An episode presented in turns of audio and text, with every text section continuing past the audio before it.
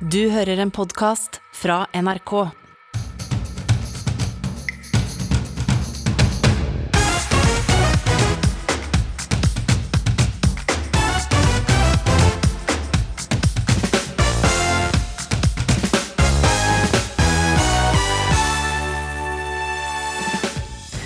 Det som skulle være en stor dag for feiring av kjærligheten, ble snudd til dramatikk og død. Jeg var akkurat kommet ut av trikken Der da jeg ble oppmerksom på en mann som satte fra seg en bag, tok opp et våpen eh, og begynte å skyte. Dette her er rystende. Vi er eh, i sorg. Folk løp i alle retninger.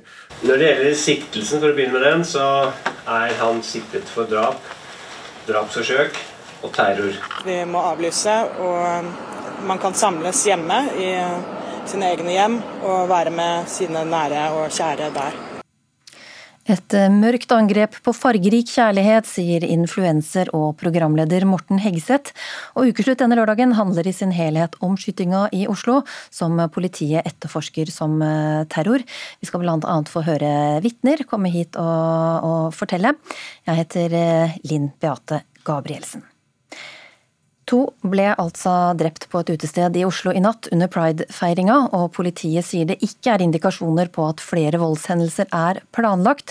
Klokka 13 skulle den store pride-paraden ha starta i Oslo sentrum, men etter politiets anbefaling så er nå den avlyst. Og reporter Ida Kloppen Gladisjak, du er utenfor Grønland kirke, hvor en pride-gudstjeneste nå akkurat er eh, ferdig. Hva skjer der nå?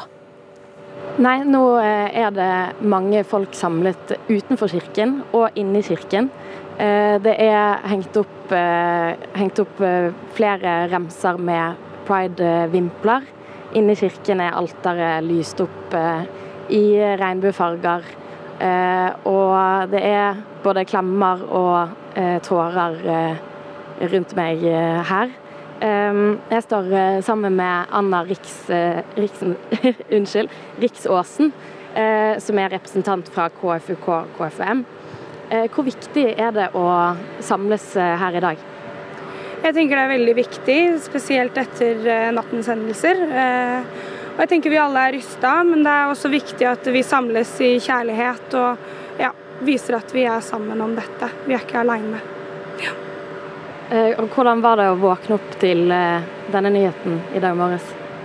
Eh, det var et sjokk. Jeg var, jeg måtte, ja, jeg var redd for at mine venner og familie hadde vært ute og var på åstedet. Og jeg kjenner flere som var der, men de er alle trygge.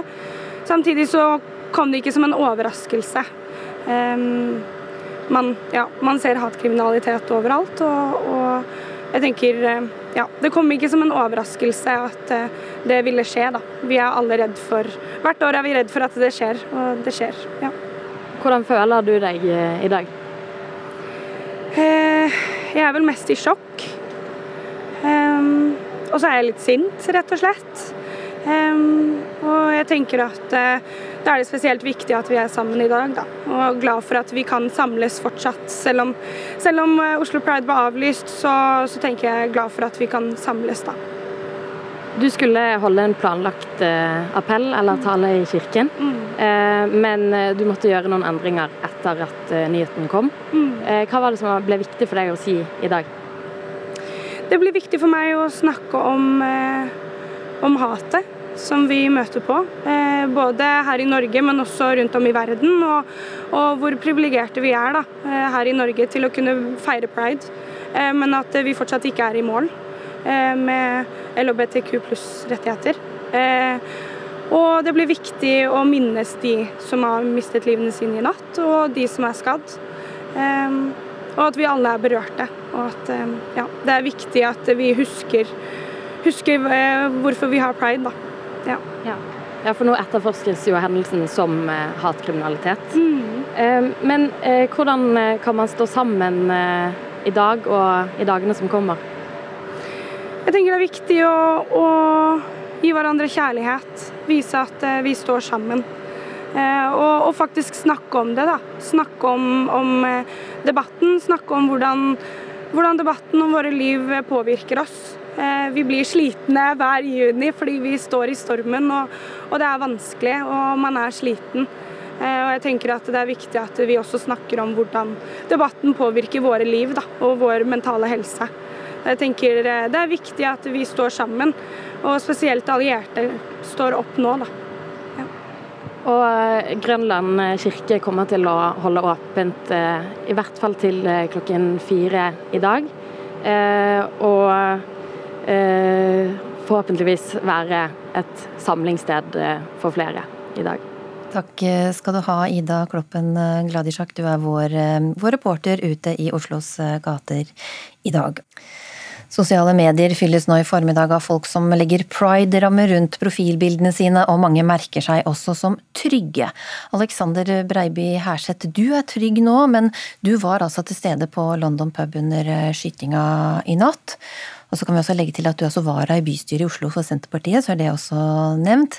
Men fortell, hvordan var det å være ute på den, den varme fredagskvelden som det jo var i går, og feire pride? Pride. En større kontrast tror jeg nesten aldri at jeg har opplevd. Det er Pride for meg har etter hvert blitt et sted en kan ha en forståelse over egen kjærlighet og egen legning. Jeg stilte første gang i Pride i 2019. Det var en så stor kjærlighetserklæring fra en by og et folk som jeg aldri har opplevd før. og tenkte at nå skal jeg oppleve det at Var på Pride Park i går, og det var så helt fantastisk. Så mye folk, så mye bra musikk, så mye Det var så smilende folk og så mye kjærlighet eh, som en sjelden møter. Så dro vi på London, var kjempe, kjempemye folk der òg både nede og oppe. Dansegulvet var helt tjåka fullt, og det var så god stemning. Eh, pandemien er over, en kan møtes, en kan samles. Og så måtte jeg på do.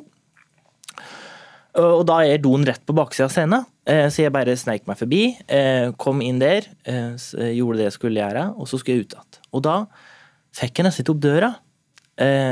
og så fikk jeg opp døra til slutt, og da var det helt tjåka fullt i den gangen mellom de toalettene som var der. Og så kunne jeg ikke skjønne hvorfor i all verden er det så mye folk her. Eh, er det så mange som skal på do? Og så fikk, kom jeg liksom over når du så liksom hvordan ja, redselen i øynene på dem. da, den, det livredde for et eller annet. Og jeg visste ikke hva det var. Hva tenkte du da? Jeg hadde nettopp vært på en utstilling, eh, Greien med Göteborg, på Statsmuseet. Og da så du en del bilder fra ungdom som ikke kom ut fra den brannen på det utestedet i Göteborg. Og akkurat det samme uttrykket som det var, det var det i de øynene som en så der sånn. Og jeg kjente enten er det noen, enten er det et eller annet, enten er det brann, enten er det noen som har gjort noe.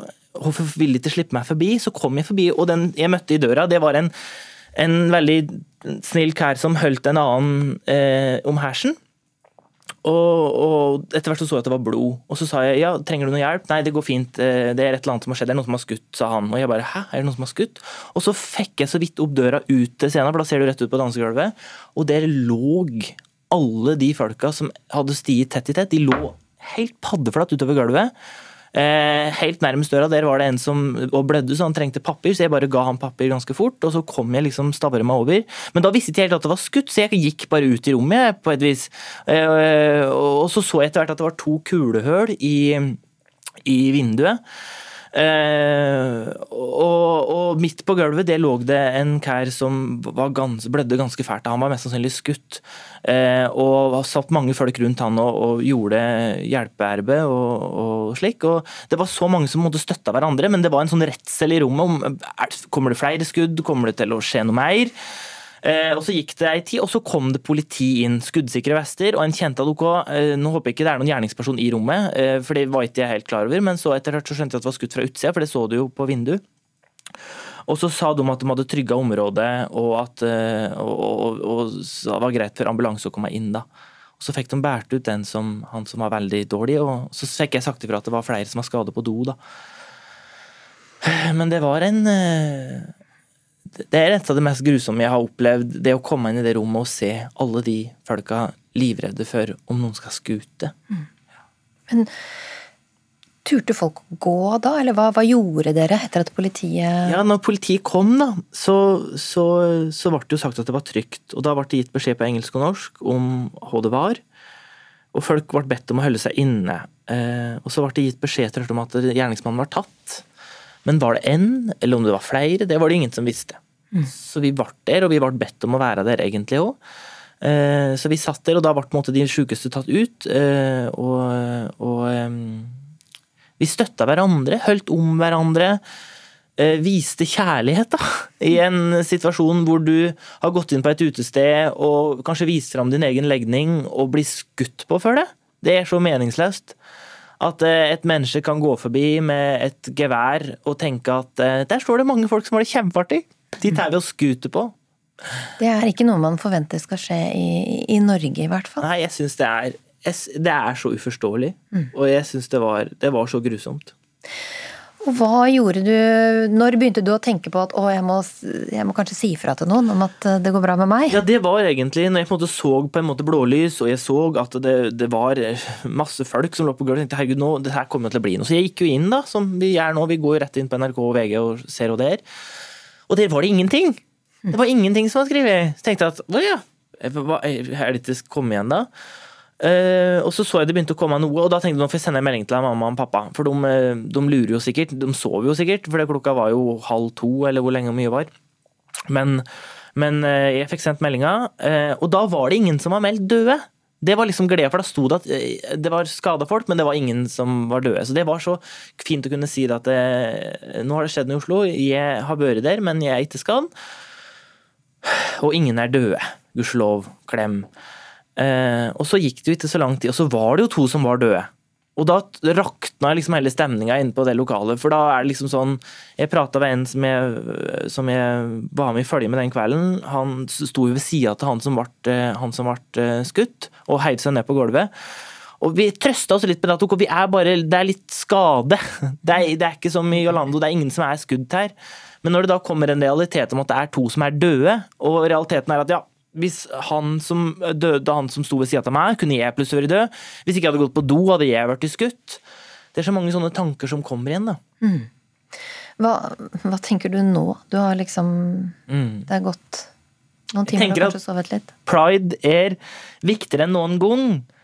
Og det er så mange ungdom som sliter med egen legning, som sliter med å på en måte være den de tror at de skal være, som de skal være. Eh, og så tør de kanskje å gå på et utested, ikke sant? og så skal utestedet i hvert fall være trygt da, for å få lov til å komme inn der. Og så viser jo det seg da at det er, jo bli, det er jo fare for å bli skutt om du går inn der. Og da er det ikke noe trygt, og da er det ikke noe trevelig å si at den er skeiv, fordi at du, du, du fordi at du vet at det er folk i samfunnet som, som skuter deg fordi at du tilfeldig nuks vil være ihop med gutter.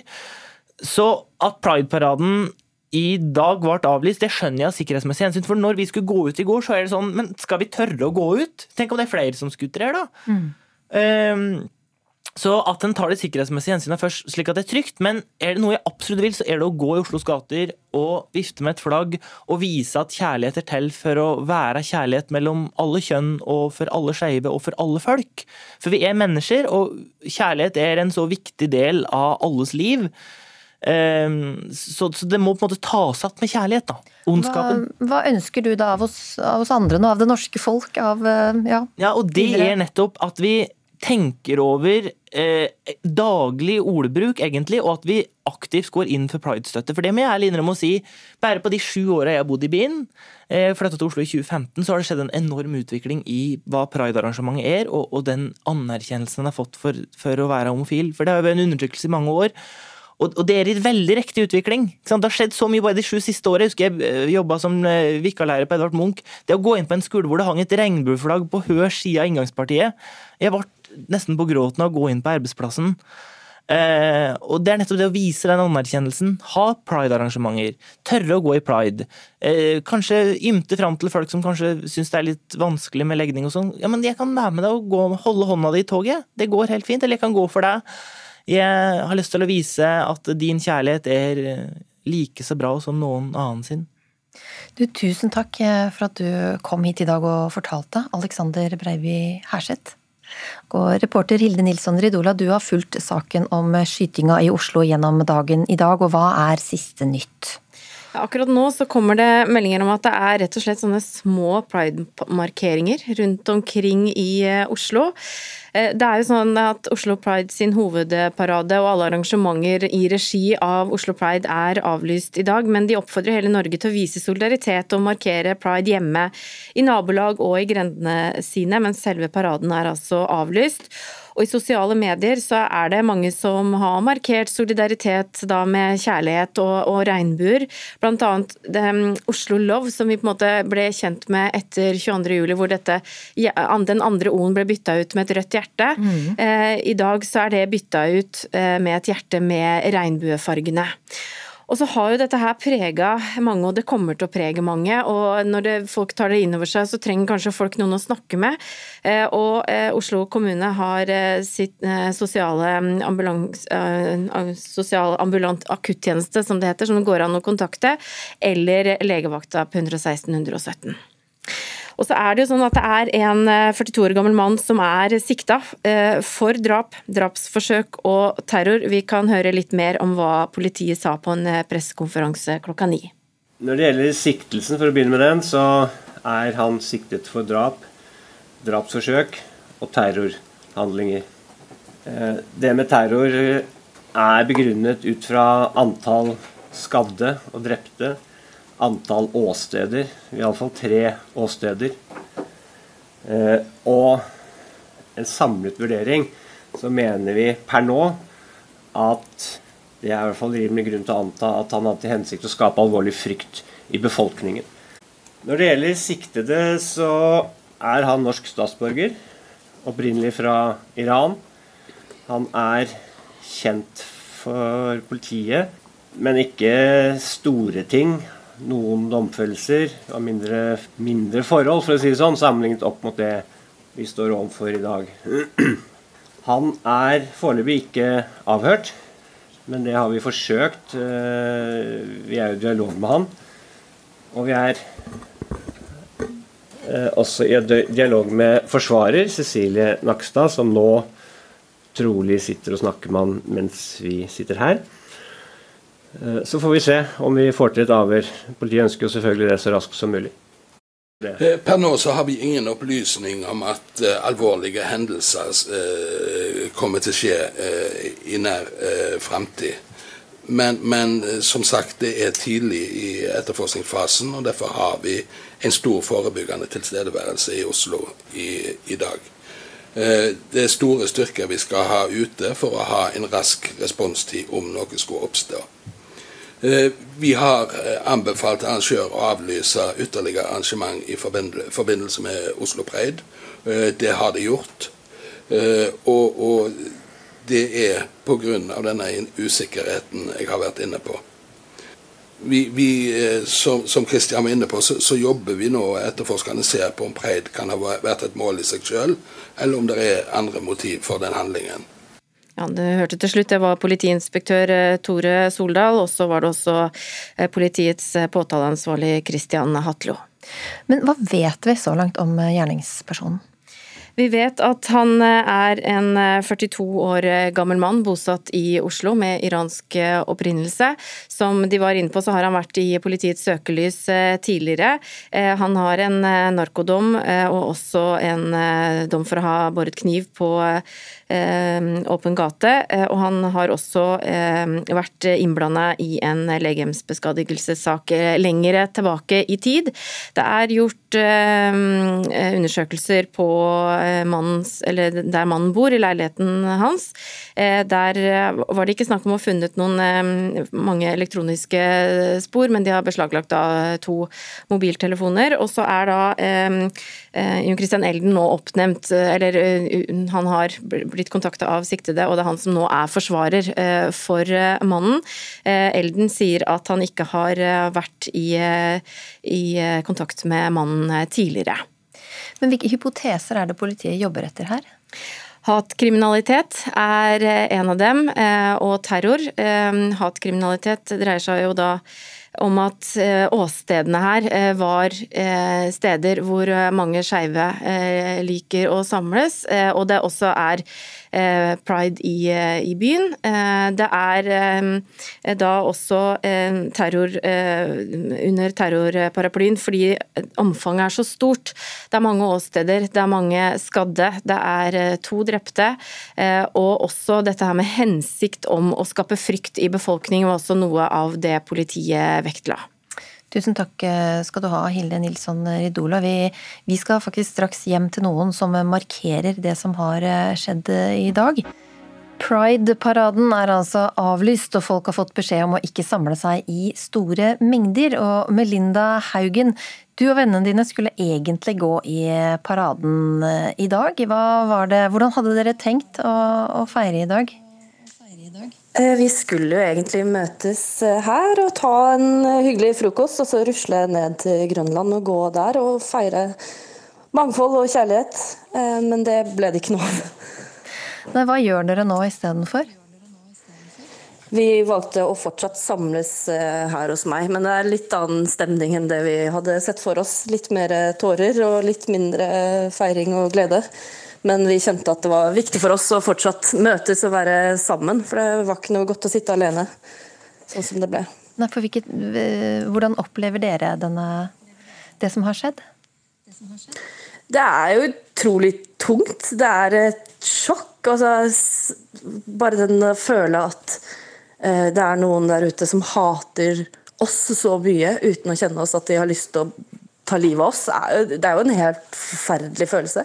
Det er utrolig skummelt, utrolig trist. Jeg blir utrolig sint og lei meg over eh, at det er så mye hat og så mye som skal ødelegge. Bare for at vi er oss selv. Hva gjør dere for å ta vare på hverandre nå, da? Vi holder kontakt med hverandre og er sammen, eh, i hvert fall nå. Det er jo ingen av oss som har vært gjennom dette før, på en måte, så jeg vet ikke hvordan vi skal gjøre det videre. Men å være sammen sånn som vi hadde tenkt denne helga, som vi hadde satt av til hverandre uansett. Og være der for hverandre og ha rom for hverandre. At vi kan eh, få lov til å sitte sammen i sorgen og sinnet og prøve å i hvert fall hjelpe hverandre gjennom det så godt vi kan. Kommer dere til å Eller hva er planen for resten av dagen, da, etter hvert? Eh, nei, nå tenker vi at vi skal gå ned mot uh, området kjøpe noen blomster og legge ned utenfor uh, området der det skjedde i natt. Og kanskje vi ser noen kjentfolk på veien der også som kan trenge en klem eller en skulder å gråte på, så står vi åpne for det òg. Tusen takk skal du ha, Melinda Haugen. En klem fra ukeslutt eh, også her. Oslo-paraden er jo avlyst, som vi har hørt, men i Tyssedal i Hardanger der skal pride markeres i dag. Og Joakim Lamo Iversen, du er en av lederne for arrangementet. Nå er det bare to timer til dere skal vifte med regnbueflagget nedover gatene i Tyssedal. Hvordan kjennes det etter tragedien som fant sted i Oslo i natt? Jo, jeg eh, vi må feire det i dag, og vi har spesielt Oslo godt i tankene. Ja, du skal selv eh, opptre i drag litt seinere i dag og allerede sittet lenge i sminkestolen. Hvordan, hvordan blir det nå? Det blir veldig rart og veldig spesielt. Egentlig. Men eh, jeg skal eh, gjøre det for Oslo i dag. Og mangfoldet. Hva gjør eh, dere for å støtte de i Oslo som ikke får markert i dag? Nei, vi Å, guri. Eh, vi skal eh, gå i toget, vi skal feire, og vi skal ha i hvert fall ett minutt stillhet. Og så skal vi feire ned og bare prøve så godt å kose oss. Blir det ekstra viktig på en dag som i dag å gjennomføre ja. feiringa? Ekstremt viktig. Det er det. Hva gikk gjennom hodet ditt da du først fikk vite om det som hadde skjedd i Oslo? Nei, jeg våkna eh, ut av at det var fullt av telefoner som ringte meg. Og når de sa det, så fikk jeg et klump i halsen og eh, rett og slett fikk eh, litt angst. Så jeg var veldig stressa og ekstremt nervøs. Hvilke vurderinger gjør dere nå med tanke på sikkerhet under deres egen eh, parade?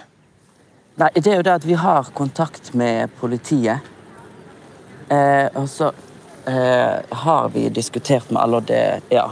og det har gått fint. Så politiet kommer.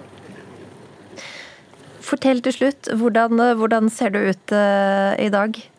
Nei, jeg har da langt, lyst hår. Jeg har kjøpt meg eh, ekstra pupper og en kjole så det er masse spirkelicious, masse diamanter. Så har jeg kjøpt meg helt nye hele, he, høyhælte sko. Oh, ja. Takk skal du ha, Joakim Lamo Iversen. Eh, nå ønsker jeg velkommen til eh, Morten Hegseth, programleder i VGTV og influenser, og til NRK-kollega Pål Plassen. Hei. Eh, Morten Hegseth, hvordan reagerte du i natt da du hørte om det som hadde skjedd? Det var totalt sjokk og fortvilelse og tårer og panikk. Jeg våkna av at um, han jeg er gift med, kom hjem eh, klokka halv tre. Eh, hørte døra åpnes og hunden sprette ut. og Han hadde vært på et utested rett ved siden av, eh, så jeg slapp heldigvis å ikke være bekymra for han, for jeg fikk det ikke med meg før han kom hjem. Og så ble jeg ramma av en sånn total redsel og panikk og sinne og fortvilelse, så jeg ringte liksom desperat rundt venner for å høre om de hadde det bra, og hørte da liksom historier om de verste ting. Eh, men først og fremst så hørte jeg liksom en sorg fra de som hadde vært der. Og som en veldig god venn av meg sa sånn, jeg er så lei meg for at folk hater oss så innmari. Og det gjorde så innmari sterkt inntrykk på meg. Og i dag har vært en sånn tornado av følelser. Alt fra liksom sinne til total tristhet til redsel til frustrasjon. Eh, og det er jo litt sånn vi har jo etter hvert liksom fått liksom norsk ryggmargsrefleks på at vi liksom alltid i sånne situasjoner skal liksom hoppe inn i rosetog så fort det lar seg gjøre, liksom. Men jeg er sånn opptatt av i dag at det er ikke den eneste riktige reaksjonen. Du kan gå rosetog, og du kan ta på deg glitter og drikke champagne og tenke, vise et fuck you til terroristen, liksom. Men du kan også ligge inne og gråte og kaste ting i veggen og riste av angst, som er en like riktig måte å reagere på i dag. Eh, så jeg er eh, veldig lei meg, og det som skulle bli en veldig viktig pride, 50 år etter avkriminaliseringa, få dager etter det hardeste lovforslaget mot konverteringsterapi vi kunne drømt om, alle gleda seg veldig. Det var liksom som lille julaften på Homser i går. dagen før dagen. Eh, så skjer dette her, og det er så ufattelig trist og tragisk. Hva tenker ja. du om at du nå som homofil i Norge er redd? Nei, og det gjorde jeg meg litt sånn refleksjoner rundt i går. For jeg uh, Og det er sånn ikke, det her handler på en måte ingen måte om meg, men jeg la ut en sånn Instagram-post om at vi er trygge, Anders er hjemme, øh, sånne ting. Og så begynte jeg å tenke sånn, jeg er her med en åtteåring, å gud, jeg må slette det, kanskje noen ser at jeg, kanskje noen kommer og tar meg, liksom. Og det er jo en helt sånn ufornuftig tanke, og det er helt ulogisk, men jeg kjente at redselen tok meg, og jeg kjente det i dag òg. Og jeg er liksom en 36 år gammel mann som er nesten usjarmerende selvsikker i sin egen seksualitet. Uh, og når den frykten liksom når meg på den måten, så kan jeg bare tenke meg liksom hvor hardt veldig mange rammes nå av angst og frykt. Og at dette her nesten, kan fungere, det må man være ærlig på, liksom, som bensin på liksom, det indre skambålet.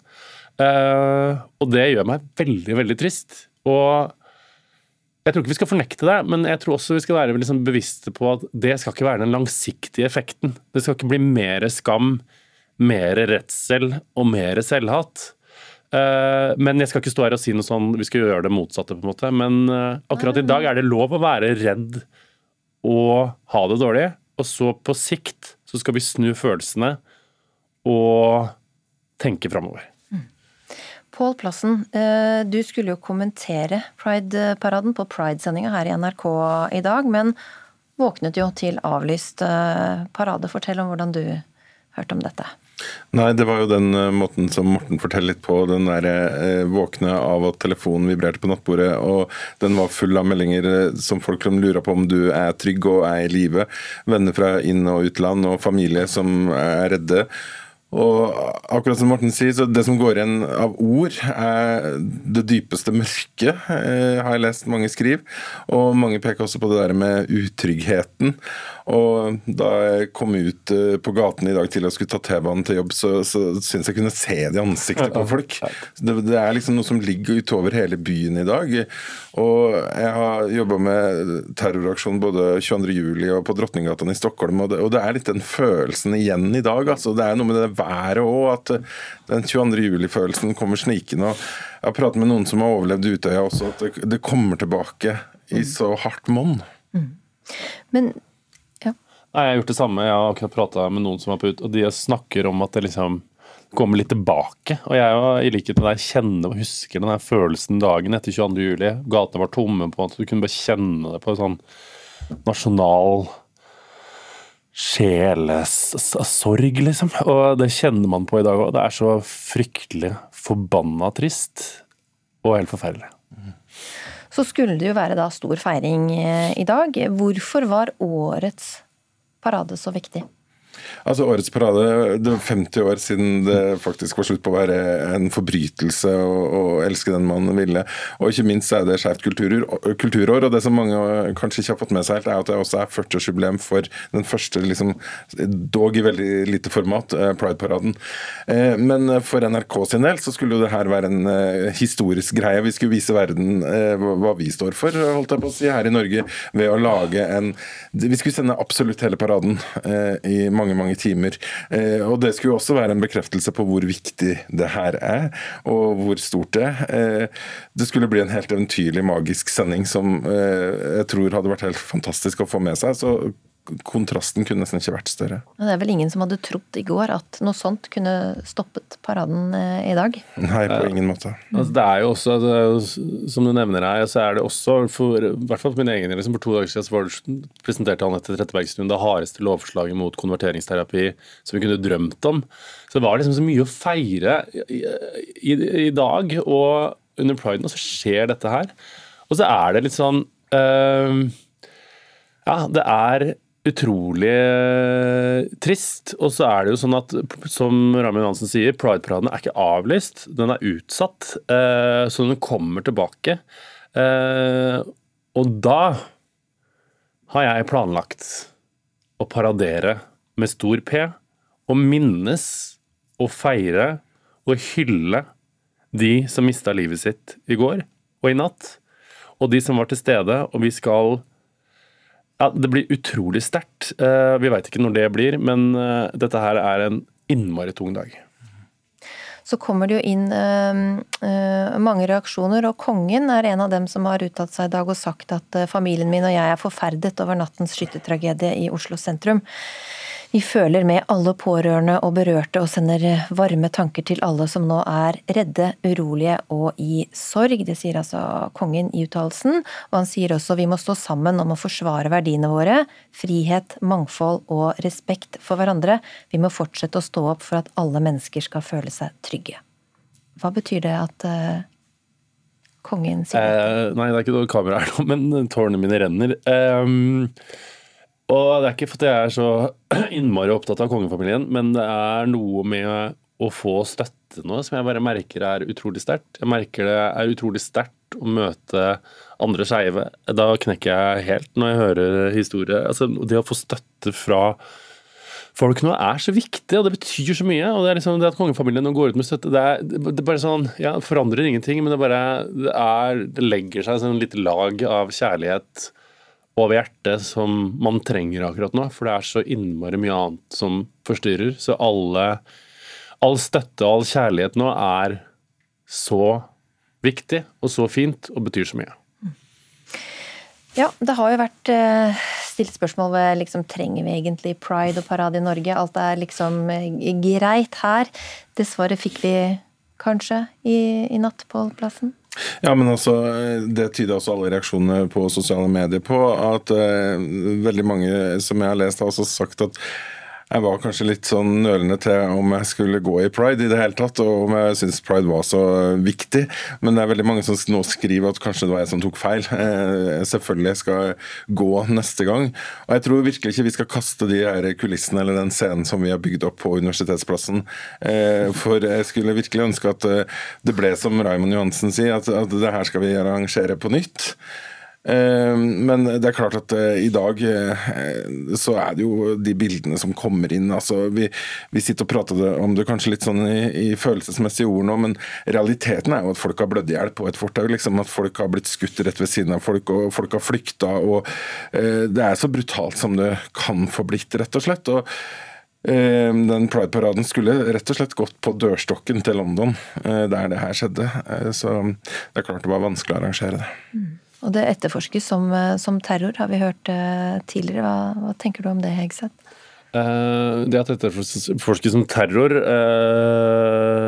er jo det man frykta. For å være helt ærlig, i natt når det skjedde der, så håper jeg at uh, det ikke var det. Og jeg håper at det kanskje var psykiatri inne i bildet. fordi at på noen måter så gjør altså, man, er, Nå får man på en måte bekrefta at det er hatkriminalitet. Og så er det også litt sånn at jeg har lyst til å si det at mange blir kanskje redde nå. Mange går kanskje rundt med frykt nå og tenker sånn nå tør jeg i hvert fall ikke gå i Pride-parade. Nå eh, er jeg enda mer redd for å være meg sjøl. Og det er en naturlig eh, følelse, men eh, i hvert fall for min egen del i dag, med Pride-flagg og Kim Friele på brystet, så er mitt mål for dagen og videre utover å bjeffe hardere og høyere enn noen gang. Og ikke la ondskap som dette er Dette er ikke en stor opinion. Dette er ikke en forsvarlig politisk ideologi, dette er ikke en forsvarlig religionssynspunkt. Dette her er rett og slett en gal manns verk. Så man må ikke bli paranoid og tenke at sånn Å ja, det er såpass mange som hater oss. For dette her er ett menneske. Og det er ytterst få som er villige til å gjøre det som ble gjort i går. Det er ett menneske som har gjort det. Vi må ikke gå oss bort i paranoiaen og tenke at å ja, dette hatet fins i så stor grad der ute. For det finnes ikke i stor grad der ute. Det fins, men det er ikke mye av det. Gå ut og bjeff. Morten Hegseth, takk også Pål Plassen for at dere kom hit til Ukeslutt i dag. Da har vi fått eh, krimkommentator her i NRK, Olav Rønneberg, inn i studio. Og la oss gå noen timer eh, tilbake til den eh, varme sommernatta i natt, hvor du var ute og havna midt i kaoset i Oslo sentrum. Fortell oss hva som skjedde. Det var jo egentlig en veldig fin kveld i Oslo. Som du sier, det var varmt. Det var masse folk ute i bygatene. Masse folk på uteserveringene rundt Oslo tinghus der jeg var. Jeg kom til stedet like etter klokken ett i natt, var på vei inn på et utested. Eh, det utestedet som ligger nærmest tinghuset for lokalkjente. Eh, jeg var så vidt kommet innenfor døren og snudde meg, snakket med noen jeg kjente. Eh, og da så jeg en mann komme med en stor, svart bag som han slapp fra seg ned i asfalten, og tok opp et våpen og begynte å skyte. Først så trodde jeg, det må jeg innrømme, at dette var tull, at noen spøkte, at, at, det var et luftvåpen. Det gikk mange tanker gjennom hodet da, eh, men så så jeg at glassene, vindusglassene i uteserveringen ved siden av ble pulverisert. Eh, og da forsto jeg at dette var skarpe skudd. Eh, og da skjønte jeg at både jeg og de andre rundt meg måtte komme oss i sikkerhet. Så på det utestedet jeg var, det ble aldri direkte rammet. Der kom alle gjestene seg inn innendørs, og dørene ble låst. Og der var man til politiet kom. Eh, jeg eh, tok dekning der inne eh, og ringte politiet. Jeg var nok en av de som tidlig ringte politiet, og holdt kontakten med politiet helt til de var på stedet. Og ga de da signalement på gjerningsmannen, hvilken retning han hadde løpt osv. Hva tenkte du om det som skjedde? Det var jo skremmende uvirkelig. Det var jo panikk blant folk. Eh, mange skrek, folk kastet seg ned på gulvet på dette utestedet jeg var på. Eh, ute i gatene løp folk i alle retninger eh, mens skuddene gikk. Vi hørte jo serieskudd i sekundene som fulgte her, etter hvert som man da beveget seg nedover i gaten. Og Dette gikk jo veldig fort. Politiet kom også veldig fort til stedet. og Mitt inntrykk er at han ganske raskt da ble overmannet og pågrepet. Og med en gang jeg så politiet på stedet, så følte jeg det så trygt at jeg kunne gå ut på gaten. Eh, og da så jeg jo skadde mennesker eh, og mennesker som ble forsøkt eh, gjenopplivet. Så har du vært hjemme, vilt deg litt. Krim, krimkommentator Olav Rønneberg, hvordan jobber politiet videre i, i denne saken? Det er jo veldig mange arbeidsoppgaver for politiet øh, i en slik sak. og Jeg må innrømme det at hodet går litt over i et jobbmodus også når man er på et slikt øh, åsted. Eh, og Jeg fikk jo se hvordan politiet jobbet der. De sperret av store områder. De samlet alle vitner som hadde sett noe inn på et hotell, og gjorde såkalte straksavhør. Jeg var inne til avhør og ble, spurt av politiet allerede i natt om hva jeg hadde sett. Eh, og så gjør de jo nå etterforskningen i flere spor. Det viktigste for politiet nå er å kartlegge den siktede kartlegge den antatte gjerningsmannen. Hva vet vi om han fra tidligere? Eh, på hvilken måte er han kjent av politiet? Eh, hvilken omgangskrets har han? Eh, de må avhøre venner, familie, andre som kan fortelle dem noe om han. Det er kanskje det aller viktigste nå. Å avklare hans helsesituasjon. Det kan jo være elementer av, av psykiatrien i bildet her. Det må man også kartlegge. Og så må de samtidig avhøre alle vitnene. Jeg tror det var et førtitalls vitner inne på dette hotellet der jeg var. De må avhøre overlevende skaffe seg videomateriale. Det er enormt mye videomateriale ute i omløp. Eh, og, da skaffe seg best mulig bilde av hendelsen. Eh, og så må de forsikre seg om eh, at han var alene. Ja. Og gjerningsmannen skal vel også avhøres, får vi tro? Så langt så har han ikke ønsket å samarbeide med politiet slik vi forstår det. Han sitter jo nå i politiets arrest, vil jo bli fremstilt for varetekt. Men eh, slik jeg forstår det, har det så langt ikke vært mulig å avhøre han. Eh, men i, i, denne kartleggingen av han, så er det jo selvsagt veldig viktig for politiet eh, å høre hva han har å si. Mm. Og så er jo terror da et scenario som som er en av teoriene her, da, ut ifra de terrorscenarioene som PST opererer med. Er dette overraskende at dette har skjedd? Dette er jo et av de scenarioene som PST og politiet har fryktet, og som de øver på. Eh, eh, en såkalt soloskyting. En person eh, på offentlig sted som begynner å skyte vilkårlig og drepe mennesker som man ikke har noen relasjon til fra før. Det er noe sikkerhetstjenestene har øvd på, fryktet, eh, og nettopp fordi det er vanskeligere å fange opp enn hvis det er en miljø, en gruppering. Vanskeligere å forebygge. Eh, og så vil det komme spørsmål her i ettertid selvfølgelig til, til PST bl.a. Hva visste de om han? Hadde de han på radaren? Eh, kunne dette på noen måte vært forebygget? Det er altfor tidlig, men, men, det er naturlige spørsmål som vil komme her. Ja, Det var jo ganske tidlig ute at politiet kjente til mannen, i hvert fall. De sier jo det at det er noe voldshistorikk på han, det er en del andre, andre forhold. Men så får vi jo se da hva de finner ut om hans nettverk, hans gjøren og laden, eh, hans aktiviteter på internett for den del, eh, og for å se om de kan nærme seg et motiv her. Eh, vi kan jo ikke utelukke at motivet kan være en blanding av hatkriminalitet og, og psykiatri. Tusen takk skal du ha, krimkommentator Olav Rønneberg. Nå skal vi til Oslo sentrum, for utenfor puben London, som var et av åstedene i natt. Der er du reporter Ida Kloppen Gladisjak, og hvordan er det der nå?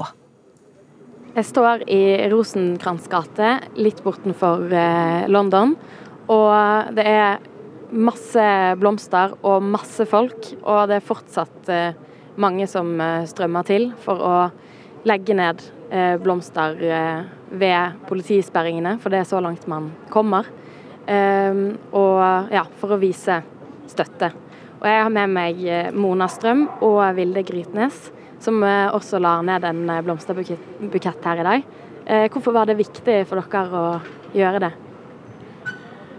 Nei, først og fremst for å bare vise vår støtte og solidaritet og omtanke til de som står igjen, men også de eh, som gikk tapt i går. Eh, og enten ligger på sykehuset eller Ja. Eh, men også for å ja, møte andre og vise at det er så utrolig viktig å holde sammen når noe sånn her skjer. Eh, men det var veldig rørende fordi det er så mange folk her. og så det er samtidig veldig fint, men samtidig så utrolig trist. Eh, så det treffer et ekstra, ekstra hardt og veldig nært hjemme. Eh, ja. Hva betyr, det, hva betyr det å se så mange som har kommet hit for å vise støtte, eh, spesielt i dag, da? Nei, det viser jo at vi fortsatt står sammen. Eh, og står med de verdiene som pridebevegelsen eh, viser. Og vi fortsatt på en måte Kanskje noen er redd, men uh, ikke så redd at uh, kjærligheten for hverandre og, uh, er viktigere å vise enn å gjemme seg unna. Da. Og så tenker jeg at det er viktig å på en måte stå opp for at flertallet mener ikke det her er et enkeltindivid på en måte har ment eller ja, gjort. da. At flertallet står fortsatt for de samme verdiene og har ikke tenkt å på en måte bli redd og skremt av ja, den type handling. Vi var jo kommet veldig langt. Altså I går vi feira det var homoterapi er blitt forbudt. Uh, og man tenker jo at Norge har kommet veldig langt i forhold til andre land. Men det her er, viser jo at vi fortsatt har en veldig lang vei å gå. Og viktigheten til pride generelt skal markeres og feires. Mm. Mm. Og Mona, du var jo, skulle jo egentlig på London i går, og var så vidt innom. Ja, eh, veldig flaks i uflaks. Eh, jeg og mine venner eh, var og skulle inn på London pub en time før det her skjedde, ca. Eh, men han ene jeg var med, var ikke gammel nok til å komme inn, så vi ble eh, ja, sendt bort fra, av vekteren da, eh, pga. han var 19. Og bestemte oss for å dra et annet sted isteden. Så vi hadde jo vært der hvis han ikke hadde vært med oss eller hadde kommet inn, da. Eh, og da Ja. Det er en veldig skummel tanke. Mm. Man ser liksom hvor fort situasjonen kan snu. I går var det liksom tragedie over at de ikke kom inn, og det var kjipt, men i dag så våkner man opp liksom, og er så takknemlig for at de faktisk ikke kom inn. Ja. Det har aldri vært så takknemlig som jeg akkurat er nå, da. Eh, og nå skal dere videre og samles med, med venner. Og eh, det er tydelig at eh, folk syns det er viktig å ja, være samlet og stå samlet på en dag som det her. Og, ja. Takk skal du ha, reporter Ida Kloppen Gladisjak, som altså sto utenfor puben London i Oslo. Eh, terrorforsker og leder for eh, Senter eh, for internasjonal sikkerhet ved Forsvarets høgskole, Anders Romarheim, velkommen hit. Takk. Politiet sier altså at det som har skjedd kan være terror. Kan du si litt mer om hvorfor det er grunn til å tro det i, i denne saken? Ja, det er jo sånn i startfasen av rett etter et massedrap som det her, at det florerer ulike teorier. Men denne gangen har vi fått noe litt mer håndfast i at terrorsiktelsen kom ganske kjapt. Eh, og så går det gjerne noen runder med debatter om hvorvidt det er psykiatri, noen som ikke helt forstår hva som skjer rundt seg. Eh, du kan ha et visst politisk element i det og, på en måte velge noen offer for det, men, men, det vil være en form for avveining, særlig i rettssystemet, da, om du er tilregnelig eller ikke, straff, eh, og hva slags straff du får, men òg om du kan dømmes etter loven for terror, for det er jo på en måte en juridisk definisjon. Eh, og jeg hørte jo politiets det var vel eh, en statsadvokat eller noe, som eh, Hatlo het han, som jo, jo gjorde rede for disse forholdene. Blant annet så har det han angrepet flere steder. De snakker da om liksom tre, et utvida åsted som de trekker inn mot et, lovens bokstav, som handler om å spre alvorlig frykt i samfunnet. Og Hvis han blir dømt skyldig i det, så er han sånn sett etter, etter lovens bokstav da, skyldig i terror. Mens de hva skal vi si, Fenomenet og den, de akademiske definisjonene er jo litt annerledes. Men dette med å spre frykt og trekke oppmerksomhet om en uh, sak står helt sentralt. Hvis ikke, hvis ikke dette handler om en større sak for han politisk, så trekker dette litt vekk fra terrorisme. Hvis han står helt alene, ikke er del av en bevegelse som jobber mot politiske mål, så trekker det vekk. Men jeg tror det er veldig viktig å understreke at eh, nå er det tidlig. Virkeligheten er sammensatt. Vi kan ha elementer av hatkriminalitet, terror, eh, rene masseskytinger, psykiatri. Eh, det kan være en, en mikstur av flere disse, av disse tingene. Og det som er en annen positiv ting med forløpet på en fryktelig negativ dag, er jo at eh, han er pågrepet. Eh, og da kommer det jo pressekonferanser med mer verifisert informasjon ganske raskt. Etter bombeangrep og sånn, så kan man jo lure, leite etter gjerningsfolk i, i uker og, og måneder. Mm. Og han var kjent av eh, PST. Hvorfor blir ikke personer som han stoppa før noe slikt skjer? Det har litt å gjøre med hva slags samfunn vi ønsker å ha. Det er veldig lett i dag å si at han burde vært stoppa. Det er det på en måte belegg for å si. Eh, men det, er det å forutsi hvem som kommer til å begå alvorlig kriminalitet, er ikke en eksakt disiplin. Eh, vi får voldsomt fokus de gangene noen som har vært på PST og politiet sin radar, gjennomfører et voldelig angrep, dreper noen Kongsberg-hendelsene, de grusomme hendelsene der, er jo friskt i minne for oss. Og så er det, hva skal vi si, hundrevis av riktige bedømninger som vi aldri hører noe om, av mennesker som, kan, som ligger og lirker oppunder nivået for å være farlig for samfunnet, men som får lov til å gå rundt og å gjøre sine daglige gjøremål. For loven og rettsstaten tilsier jo at du skal være veldig farlig før du, du skal bli ansett og vurdert psykiatrisk som veldig farlig, før du bare kan tas av gata uten å ha gjort noe. Normalen er jo at du gjør noe og blir dømt for det i etterkant. Men denne typen av eh, vold, ekstremt voldelig kriminalitet er så farlig eh, at eh, det, er, det, blir et, det blir vanskelig å skulle sitte og vente på at det skjer, da. Mm. På en helt annen måte enn trafikkforseelser og innbrudd og den typen kriminalitet, da du gå, der du nesten alltid vil gå i etterkant. Eh, Oslo Pride de har avlyst alle sine arrangementer etter eh, angrep, og også etter råd fra politiet. Hvor vanlig er det at det faktisk kommer nye angrep etter en sånn hendelse? Det forekommer, men det er heldigvis ikke så ofte.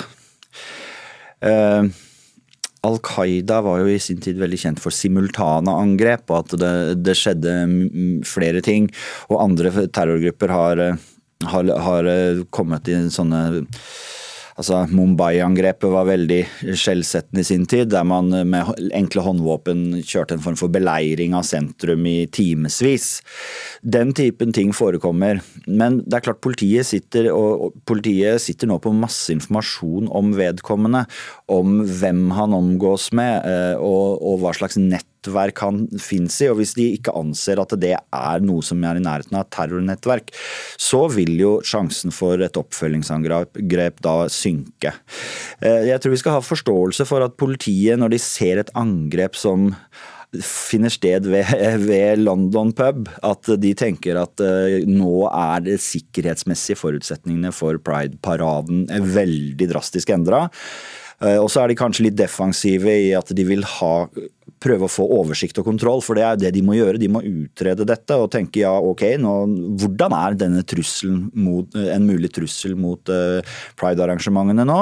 Uh, har, vi, har, vi, god nok oversikt? Uh, kan vi sette inn sterke nok tiltak til å la det gå, eller er det riktigere å, å, å simpelthen kansellere det, da, sånn som de har råda arrangørene til, og som de har klokelig, får vi vel nesten si, fulgt opp. da. Ja, fordi, Men målet med terror er jo å spre frykt, og da kan man jo også stille spørsmål er det da riktig å avlyse? Det er jeg helt enig i. Det er et uhyre krevende spørsmål, det der. Eh, du gir litt etter når eh, hva skal vi si, terrorister får lov til å bestemme hva vi skal gjøre og ikke gjøre, og, og klare å ødelegge eh, for et arrangement. Så det, det, det, sitter langt inne for min del også. Eh, det, det, er det ingen tvil om. Men, men eh, politiet må jo gi de rådene de kan på bakgrunn av den informasjonen de besitter om trusselsituasjonen. Og den kan ikke vi kikke dem i kortene på, men det kan politikerne. Sånn at denne hendelsen, som så mye annet, kommer jo til å måtte granskes nøye eh, for å, for å se på responsen og, og, hvordan det hele har forløpt. Eh, og da kan det jo hende at man kan gå inn i det og, se, og, og en, trekke noen lærdommer av om det var riktig, om det var så uoversiktlig oversiktlig, eh, eller om, eh, om de var litt for kjappe til å, til å trekke i, i, pluggen da, og dra ut kontakten på Pride-arrangementet. Men det skal jo spilles landskap i kveld, og det er rockefestival på Ekeberg i kveld. Så det er en del andre arrangementer som går, med forhøyet beredskap og en generell vel bevæpning av politiet som nå er vedtatt. Så vi ser jo at sikkerhetstiltakene i samfunnet eh, de går opp etter en sånn hendelse, som er naturlig for å skape trygghet for de som skal ut og gjøre det de pleier. For vi vil jo leve livet vårt sånn som vi alltid har det, og sånn som vi ønsker og formår. Eh, vi ønsker ikke å leve i, i mørke skygger av terror, sånn som ble kasta over hovedstaden vår eh, i natt. Og det er jo øyenvitner som sier at de først trodde det var en spøk, at mannen bare, bare tulla. Hvorfor reagerer mange sånn? Ja, Det er et godt spørsmål.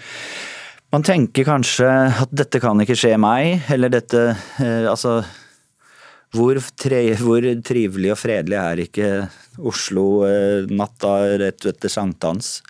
Eh, det, det, er jo en idyllisk eh, atmosfære som eh, Det er liksom bare en grusom, makaber eh, virkelighet. Eh, enten psykiatrisk fundert eller ideologisk fundert, eller en blanding. Bare river i stykker det, det som er og var vakkert. Så ja, det er det er forståelig at man lurer på hva det er. Og ja, på det tidspunktet der av kvelden så er det kanskje mange som har eh, tatt en del å drikke, og, og det er, utelivet er litt svevende på alle måter. Så at folks persepsjonsevne ikke er på, helt på topp, er kanskje litt naturlig. Eh, vi var inne på det i stad. Altså, psykiatri kan jo være en, en, årsak her også. Vil det fremdeles regnes som terror om man viser seg å være utilregnelig? Det er eh, et veldig godt spørsmål, og det, det har jeg ingen klar fasit på. Eh, det er en litt sånn kilen debatt, for noen ganger så klager man over at Eh, en type terrorister for lett blir bare kalt gale, når de egentlig har et isletta ideologi ved seg. Eh, sånn at da kan ulike grupperinger, gjerne langt ut til venstre eller litt langt ut til høyre, være opptatt av at det politiske og det ideologiske det skal oppheves. Til det tror jeg det er veldig viktig å si i dag at det er Terrorisme kommer i et bredt spenn av ulike sjatteringer. Vi har eh, historisk sett venstreorientert eh, terrorisme, særlig ute i Europa. Norge har erfart høyreekstremistisk terror eh, nært på oss i den verste dagen i vår levetid, som var 22.07.2011. Og det fins islamistisk terrordommer uten at de har klart å få det til i Norge. sånn at det er et bredt spekter av ideologi her som dessverre kan slå ut i perverterte, voldelige former eh, og være dypt skadelig for samfunnet. Så så vil eh, rettsoppgjøret være, med, være innretta mot det du sier, og, og, og stadfeste tilregnelighet eller ikke, og si noe om det er mest ideologi eller en eh, gal manns verk som fekter rundt seg og kanskje plukker opp noen eh, hatmeldinger her og der og, og gjennomfører noe som blir mer hatkriminalitet eller bare en masseskyting enn terror. Men der er juryen i ordets rette forstand ute. Og det tar nok en stund før vi får eh, svaret på akkurat det, men takk for at du kom eh, hit, terrorforsker Anders Romarheim. Det er mange som ble vitner til det forferdelige som skjedde i Oslo i natt, og en av dem var deg, Silje Karlsen Auestad. Du var en av gjestene på London. Hvordan eh, opplevde du det som skjedde? Jeg opplevde det som veldig rystende. Vi satt jo inne på London eh, i kjelleren rett med vinduet, så det første som skjedde, var jo at eh, jeg trodde det ble slåsskamp, fordi folk begynte jo å dra seg vekk fra vinduet sånn. Men så skjønte jeg jo at det var mer alvorlig, fordi eh, han ene var jo så sykt redd og krabba seg opp langs bakken. Så plutselig skjøt det mot vinduet. Heldigvis ble jeg jo ikke truffet, men følte jo at jeg ble skjøten på. og så fikk jeg masse glass i fjeset og i munnen, og så gikk det jo en del sekunder, og mye skjedde jo, og så ble det bare at vi måtte begynne å skrike 'legg dere ned, legg dere ned'. Og, og etterpå det så la vi oss jo alle ned, og det begynte jo å fortsette å skyte, skyte, skyte. Hørte mange skudd mange ganger. Og etter det så plutselig rulla det en fyr inn fra vinduet som hadde blitt skutt.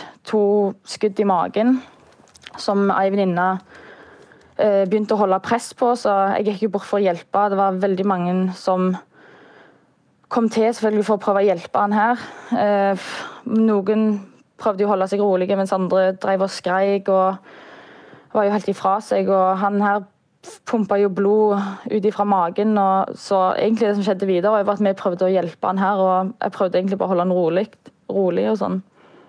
Når kom, det, når kom det hjelp? Jeg tror det kom hjelp etter Det må ha gått mellom fem og syv minutter. Fem, kanskje fem minutter. Det er litt vanskelig å vite, men jeg tror det har gått ca. fem-syv minutter før eh, det kom politi og ambulanse inn til oss for å hjelpe. Og hva gjorde- så kom ambulansen, da, så kom politiet etterpå. Og hva gjorde du da? Eh, For det første så holdt jeg på presset til han hjalp de som eh, holdt på presset, og så etterpå så kom jo de til, og da holdt jeg han i hånda. og Han var relativt rolig, men han hadde jo sikkert veldig masse adrenalin i kroppen. Eh, Og etterpå det så Ja, jeg holdt han i hånda, da, så etterpå så tok jo de han med i de ambulansen. Så hadde han visst slukna til, hadde venninna mi sitt, når de hadde tatt han med. Mm. Og etterpå så måtte jo vi sitte igjen der fordi vi var vitne. Så vi satt jo igjen der i en stund etterpå. Og har eh, snakket med politiet, sikkert. Ehm, ja, går det bra med deg nå? Eh, For min del så går det greit. Jeg er jo bare veldig litt sånn shaky og har ikke sovet så veldig mye. Det er jo Man var jo veldig tett på, og det var jo flere som eh, trodde jeg var død, og fordi jeg ringte jo kjæreste i løpet av dette, for ingen av oss inne der visste jo om det skulle komme inn og skyte mer, og folk var jo livredde for at eh, han skulle komme inn. Mm. Så um, relativt ut ifra situasjonen så går det ganske greit, og jeg tenker jo bare på alle de som er på sykehus, og alle de nære, og selvfølgelig på familie og alt på de som eh, døde, dessverre. Mm. Når, eh, når skjønte du at faren var over? Eh, med en gang vi ringte 113, fordi da hadde, allerede, da hadde det gått fem minutter, da holdt vi jo presset, og da hadde allerede Vi hørte ingen mer skudd. Eller jeg trodde iallfall at faren var over da, tenkte jeg. Og da hadde jo, kom jo ambulansen bare et par minutter etterpå. Så det var jo da Det, det gikk jo sikkert fem-syv minutter av veldig Man var veldig redd da, men ja. Hva tenker du nå? Mm. Jeg tenker at det er veldig sykt det som har skjedd. At vi lever i et eh, Vi lever jo et relativt trygt land, men allikevel så skjer sånne ting som dette. Det er, jeg er veldig usikker på hva som er motivet bak, men jeg Man blir jo veldig, kanskje ikke så sjokkert at det skjedde på pride, og at det var mot Norges største gaybar. Eller tenker jeg, da. Det er jo ikke sikkert det som var akkurat Men ja. Man blir veldig sånn Ja. Hva kommer du til å gjøre på resten av dagen i dag? Eh, resten av dagen i dag skal jeg tilbringe med familie og venner og nære. Og bare ja, sikkert være ute på Ute, holdt jeg på å si, i frisk luft og ja, være med hverandre. Fordi man har jo gått gjennom en litt traumatisk opplevelse, og jeg tenker det er viktig at man holder sammen og ja, vise hverandre støtte og omsorg. Du får eh, ta vare på deg selv, eh, Silje Karlsen Austad. Tusen takk. Reporter Hilde Nilsson Ridola, du følger denne saken eh, tett i dag, og hva er siste nytt nå? Jo, etter altså at eh, to personer er døde og minst eh, 19 personer får eh, behandling av eh, helsevesenet etter skytinga i Oslo i natt, så holder nå eh, PST et eh, pressemøte klokka 14. og Grunnen til det er høynet terrortrusselnivå, skriver altså PST på eh, Twitter. Eh, Tidligere var det jo sånn at regjeringen eh, først annonserte at de skulle holde sitt pressetreff klokka 14. Nå er det utsatt til klokka 15, men det er altså PST som holder klokka 14 grunnet høynet terrortrusselnivå.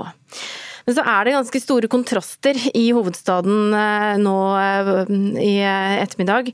Fordi mange er triste, legger blomster og gråter. Samtidig så har også hel, altså flere hundre mennesker samla seg og går fra Grønland og til London pub og roper slagord og veiver da med, med prideflagg og lager liv i, i Oslos gater. Til tross for at paraden, selve paraden er avlyst. Selve paraden men er avlyst, folk- men Mm. eh, en god del folk har samla seg, også på små eh, og mindre arrangementer. Statsminister Jonas Gahr Støre sa tidligere i dag at eh, skytinga utenfor London pub var et eh, grusomt og dypt rystende angrep på uskyldige mennesker, og hans tanker eh, gikk til de rammede og deres pårørende, sa han tidligere. Han skal altså ha en pressekonferanse klokka 15, var det så? Det stemmer, ja. Og den får dere selvsagt i NRK Nyheter. Og så skal vi høre da hva Høyres leder Erna Solberg sa til NRK for litt siden. Nei, altså, det er jo Jeg mener jo at det er et angrep på kjærligheten, selv om vi ikke vet hvilket motiv eh, og bakgrunnen for eh, selve angrepet er. Så er effekten av det som har skjedd, når man eh, angriper i en og begynner å skyte i, inne på, på kjente utesteder for homofile eh, og på gaten utenfor, så skaper det frykt. Det har den effekten. Og og så er det jo uendelig trist, for i dag skulle vi ha en skikkelig fin dag for å feire kjærligheten. Mm. Og um, hvordan vil du beskrive veien videre nå med tanke på det skeive samfunnet? Jeg tror det er viktig at vi alle bidrar til at alle skeive føler seg trygge. Eh, vi kan aldri fjerne all utrygghet i vårt samfunn. Eh, det er mennesker som, som eh, får forskrudde ideer, det er mennesker som har ideologier som annet, men vi må gjøre mest mulig på å bekjempe det. Og så må vi sørge for at folk skal føle seg trygge. Eh, og det dreier seg om å ha både aksept, forståelse og rett og slett litt kjærlighet. Og hva har du tenkt å gjøre resten av dagen? Eh, jeg har en mann som har bursdag i dag, så vi har samlet familien for bursdagsfeiring. Men vi har, altså vi hadde, vi hadde pride-flagg i blomsterkassen vår, og vi, eh, vi har ikke, vi har ikke men vi har ikke flaggstang, så det er en av de få tingene vi kan bruke, eller en av de tingene vi kan gjøre for å markere støtte. Hilde, hvilke reaksjoner har kommet fra andre politikere i dag? Eh, det kommer fra, eh, fra, alle hold eh, at dette her er et grusomt angrep, og at man må stå sammen. Og det kan jo være da at noen også da trenger noen å snakke med.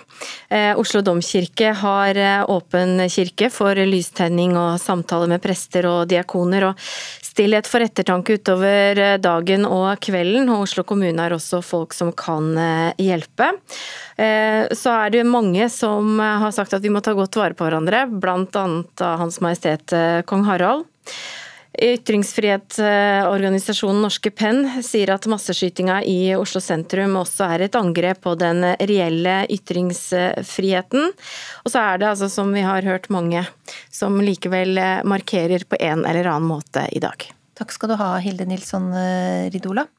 Med det så var det faktisk eh, ukeslutt denne ja, ganske rare lørdagen.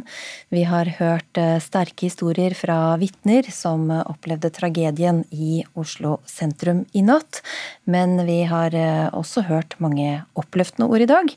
Statsministeren sender varme tanker til alle familier og pårørende, og Pride-arrangører andre steder i landet sier de løfter regnbueflagget for Oslo i dag. Og så er det også viktig å huske at politiet sier at det er ingen opplysninger om noen ytterligere trusler etter masseskytinga.